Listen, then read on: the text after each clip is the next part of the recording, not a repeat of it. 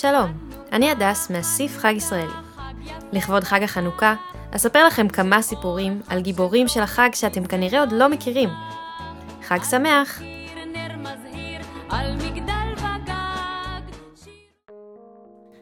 הדבר שלווין הקטן הכי אהב לעשות היה להתחבא בעליית הגג, לצייר ולחרות בענפים שהיה מוצא בטיוליו ביער. בעיירה שבה לוין ומשפחתו התגוררו, לא היה הרבה מה לעשות, ואת מעט הכסף שהיה לאביו החזן, הוא השקיע בכך שלוין ילמד תורה בחדר. לוין לא אהב את הלימודים בחדר, אבל לא היה לו נעים להתוודות על כך. בכל פעם שהצליח לחמוק, היה עולה לעליית הגג. כשאביו מצא אותו שם יום אחד, וגילה את כוחו האומנותי, תחילה כעס, ואז חשב ואמר, טוב, לצייר להנאתך זה טוב ויפה, אבל עליך לעזור כלכלית למשפחה. מעתה תכתוב מזוזות ותמכור אותם ליהודי הסביבה. וכך היה. יום אחד התגלגל לידיו של לוין גיליון של עיתון ילדים. זה היה עיתון מיוחד, כי הוא היה כתוב בשפה שלוין לא הכיר, בעברית חדשה. לוין הסתקרן, מה כתוב בעיתון? אך לא ידע לקרוא אותו. הוא פנה לאביו ולחבריו, אבל אף אחד מהם לא ידע לקרוא עברית שכזו. כשהמלמד בחדר ראה אותו מחזיק בעיתון, הוא אמר לו, עיתון חולין בשפת הקודש? בזוי, השלך אותו לאשפה. אך סקרנותו של לוין התגברה עליו, והוא החליט להתחבא במקום האהוב עליו, בעליית הגג, וללמוד בסתר את השפה החדשה-ישנה הזאת. לוין הצליח. בעיתון הוא גילה סיפורים ושירים על ארץ ישראל, ארץ זבת חלב ודבש, ארץ מסעות ומדבר, עליה החל לחלום ואליה לערוג. לוין התחיל בעצמו לכתוב, וכשהיה בן מצווה, פרסם בשם בדוי את שירו הראשון בעיתון ילדים. חלק מהשירים שכתב היו שמחים, וחלקם עצובים, בהם תיאר את החיים האפרוריים במזרח אירופה, ואת אורח החיים הדתי שאביו ניסה לכפות עליו. כך כתב למשל: גלי חיים, גלים אכזריים, עד מתי? הן שר אוני, כשל כוחי. אנא, האירו לי פנים ואדע כי חי גם אנוכי. לוין החליט שהוא רוצה לעלות לארץ ישראל. כשהיה בן 17, ניסה להגשים את חלומו, ושלח מכתב עם שירים שכתב לבית הספר הראשון לאומנות בארץ ישראל, בצלאל.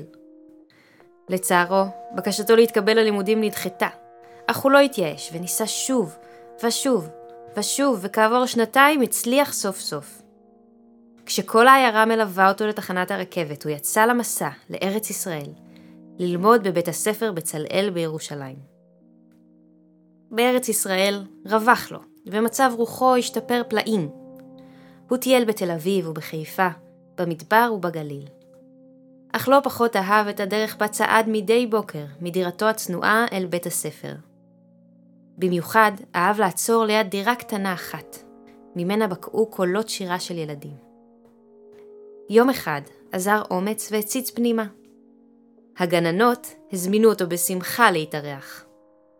כך גילה שזהו הגן העברי הראשון בירושלים, הגן הראשון בו ילדים לומדים ומשחקים בשפה העברית.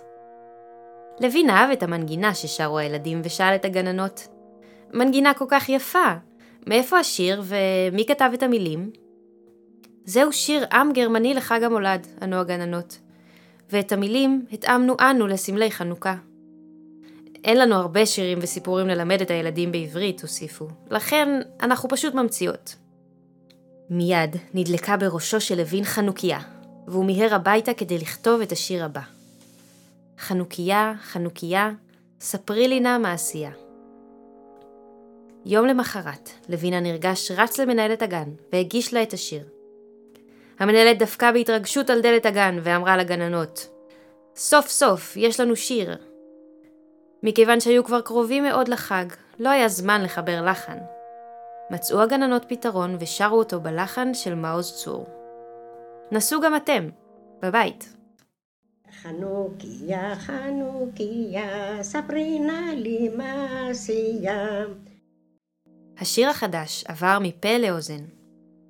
לוין בעצמו עבר בין גנים שונים ברחבי הארץ בכל יום כדי להפיץ את הבשורה.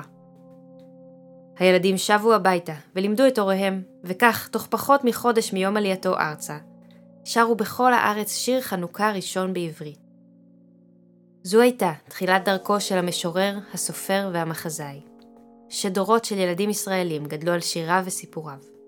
לוין קיפניס, שמאז אותו ביקור בגן נקשרה נפשו בילדים ובחגים, והוא כתב עוד מאות שירי חג וסיפורים. פעם פגש לוין בביאליק, המשורר הלאומי. כשזיהה ביאליק את ניצוץ הכתיבה בעיניו של לוין, אמר לו, כתוב כל מה שבלבך, בכל יום ובכל מקום. עד יום מותו, בגיל 96, דבק לוין במשפט ולא פספס יום אחד של כתיבה.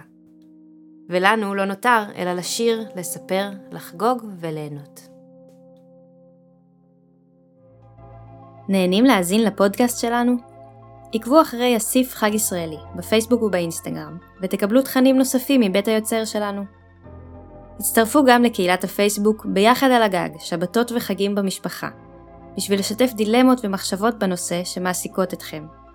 וכמובן, מוזמנים תמיד לאתר www.asif.org.il